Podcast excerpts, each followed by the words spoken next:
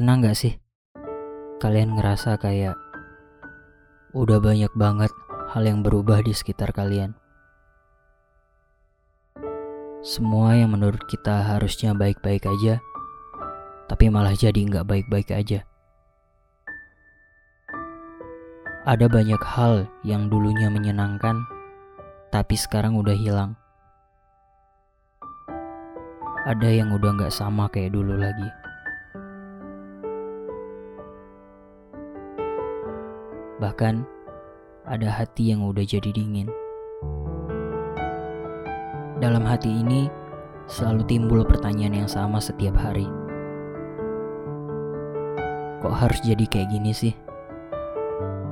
Kok gini banget ya jadinya? Ternyata waktu dan keadaan menuntut kita harus bertumbuh. Gak selamanya apa yang kita mau bisa kita dapetin gitu aja.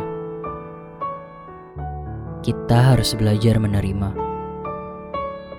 Menerima rasa kecewa, menerima rasa sakit, menerima keadaan yang gak sesuai dengan maunya kita.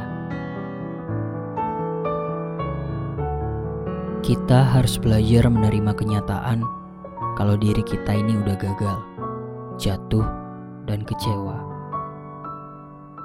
Kalau kita nggak kecewa, ya kita nggak belajar. Dari rasa sakit, kita dibentuk untuk jadi kuat. Dari rasa kecewa, kita juga dibentuk supaya kita bertumbuh.